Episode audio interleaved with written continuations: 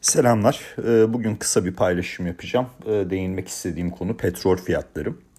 Şimdi biz e, Eylül ayında Suudi Arabistan'la Rusya'nın bu arzın azalım kararını yıl sonuna kadar devam ettirmesi sonrası e, oluşan yükselişleri, petrol fiyatlarında oluşan yükselişleri geçici olarak yorumlamıştık ve bunu dayandırdığımız temel talep tarafında 2024'de dair riskler barınmasıydı. Bunu piyasa şu anda çok önemsemiyor.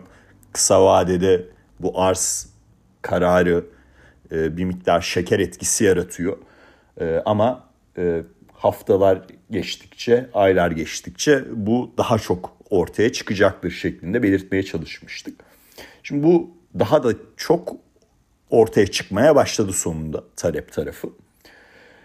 Tabii burada maalesef yani Orta Doğu'nun karışması, e, orada e, oldukça kötü haber akışlarının gelmesi, çok üzücü haber akışlarının gelmesi, e, klasik bir ezberi tekrardan ortaya koymuştu. O da neydi? Orta Doğu'da eğer jeopolitik riskler artarsa petrol fiyatları yükselir Şimdi bu ezber düşünceyi günümüz standartlarına, günümüz değişkenleriyle e, değerlendirdiğimizde ortada şöyle bir durum görüyoruz. Birincisi bu jeopolitik riskler arttığında en önemli, Orta Doğu'daki en önemli arzı sunan e, Suudi Arabistan e, tarafının zaten kapasitesine göre oldukça düşük bir üretim yaptığını görüyorduk.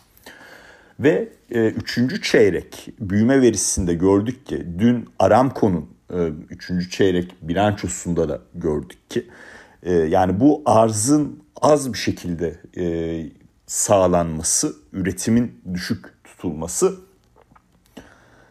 hem büyüme tarafında Suudi Arabistan negatif yansıyor hem de Aramco'nun karı noktasında negatif bir durum söz konusu. Yani zarara geçmediler de beklenen o yüksek temettü miktarlarını karşılayacak vesaire o yapıda e, süreklilikte bir e, kar elde edebilmesi için normal olarak ürünlerini daha çok satabilmesi lazım. Şimdi bu durumda biz önümüzdeki yılla ilgili olarak talep risklerinin daha çok ortaya çıktığı bir ortamda arz tarafında da bir yükseliş durumu yaşanacak mı yaşanmayacak mı noktasını e, sorguluyoruz ve yaşanma olasılığının biraz daha arttığını görüyoruz. Keza e, gidip Rusya'nın haftalık e, işte sevkiyatlarına baktığımız zaman Bloomberg'den e, bu haberi e, okudum. E, son 4 ayın en yüksek seviyesine ulaşmış durumda. Şimdi demek ki talep tarafında riskler artarken arz tarafında da o Eylül ayında verilen kararın sürekliliği konusunda bir miktar soru işaretleri oluşuyor. Günün sonunda biz nereye geliyoruz? Petrol fiyatları son 3 ayın en düşük noktasında. Ve Temmuz ayından beri ilk defa WTI devam eden kontrat 200 günlük hareketli ortalamasının aşağısında bir kapanış yaptı. Demek ki ezbere hareket etmek çok doğru değilmiş sadece arz yönlü e, ham maddeleri değerlendirmek çok doğru değilmiş. Kısa vadede doğru tamam bir şey demiyorum. Fiyatlamalarda WTI 95 dolarları çıktığında e, kimse sorgulamıyordu. E, Brent ile ilgili 150 dolar tahminler vesaire senaryolar oluşturuluyordu. Gördük ki e, bunlar yani okunması eğlenceli e, ama realiteye dönmesi e, bir miktar e, yani gerçeklerden kopuşla alakalı bir durum olabilir. Yani Brent petrol 100 doların üzerinde bu yapıda e, bir global ekonomi var mı gerçekten? Global ekonomi 100 dolar üzerinde Brent petrolü sırtlayabilecek yapıda mı şu noktada? Bunu Avrupa verilerinden görebiliyor musunuz? Çin verilerinden görebiliyor musunuz? Amerika tamam görece iyiydi ama orada da yavaşlama başlamadı mı? Yani şimdi bunların hepsi önemli sorular. Gelelim e, hani dün son zamanlardaki yaşanan satışta e, şimdi ABD tarafında hükümet e, daha doğrusu devlet demek daha doğrusu devlet kurumu e, Energy Information Agency 2024'de dair petrol talebinde kişi başı işte petrol diyorum benzin talebinde kişi başına düşen galon miktarı diye düşünebilirsiniz. Son 20 yılın en düşük tahminini girmişler. Tabi burada elektrikli araçlara geçiş de önemli bir e, uzun vadeli trend. E, ama e, bu rakam e, oldukça piyasayı tabi talep yönlü e, ciddi manada rahatsız etti anlıyorum.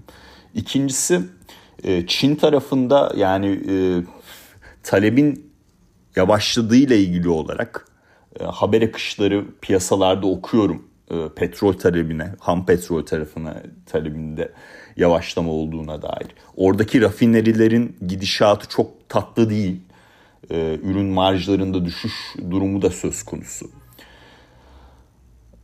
Yani Ekim ayı ithalat verisinde petrol, ham petrol e, iyi bir yükseliş yaşamıştı ama bundan sonraki dönemde o kadar iyi gitmeyebilir şeklinde bir düşünce var.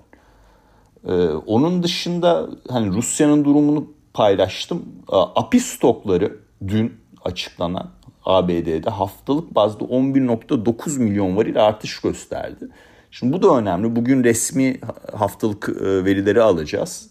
E, yani demek oluyor ki e, yani o petrol tarafında inanılmaz bullish görünümleri çökertecek çok fazla değişken e, hızlı bir şekilde sıralanabilecek durumda. 200 e, günlük hareketli ortalamanın aşağısındayız. Dün orada bir kapanış yaptık. E, burada yani bir miktar daha aşağı yönlü bir hareket söz konusu olabilir ama ondan sonra takip edeceğimiz durum bence ABD tarafında o stratejik rezervlerin rezervlere alım yapılıp yapılmayacağı, yapılırsa ne kadar yapılacağı, geçen de bir 3 milyon varillik bir şey. Yani 3 milyon varil falan bunlar hep çıtır çerez yani. Daha böyle ciddi miktarlarda alınacak mı?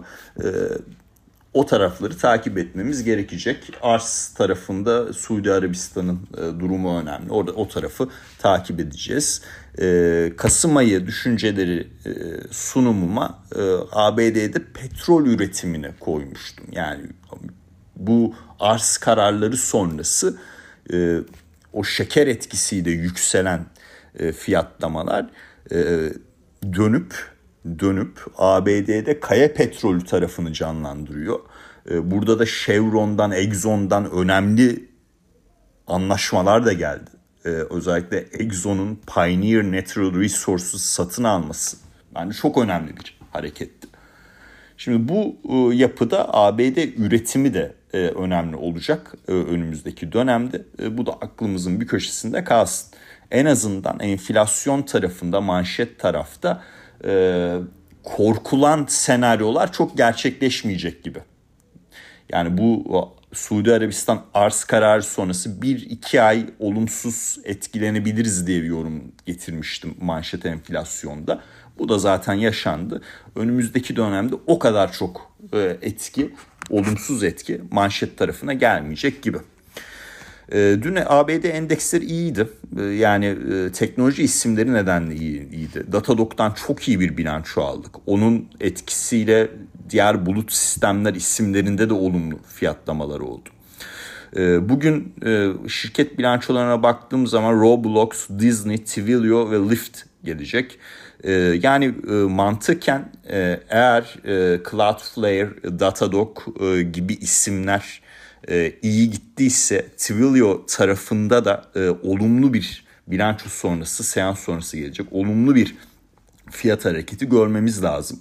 E, bunu da takip edeceğiz. E, bir diğer önemli nokta Türkiye saatiyle 17.15'te Powell'ın e, konuşması var.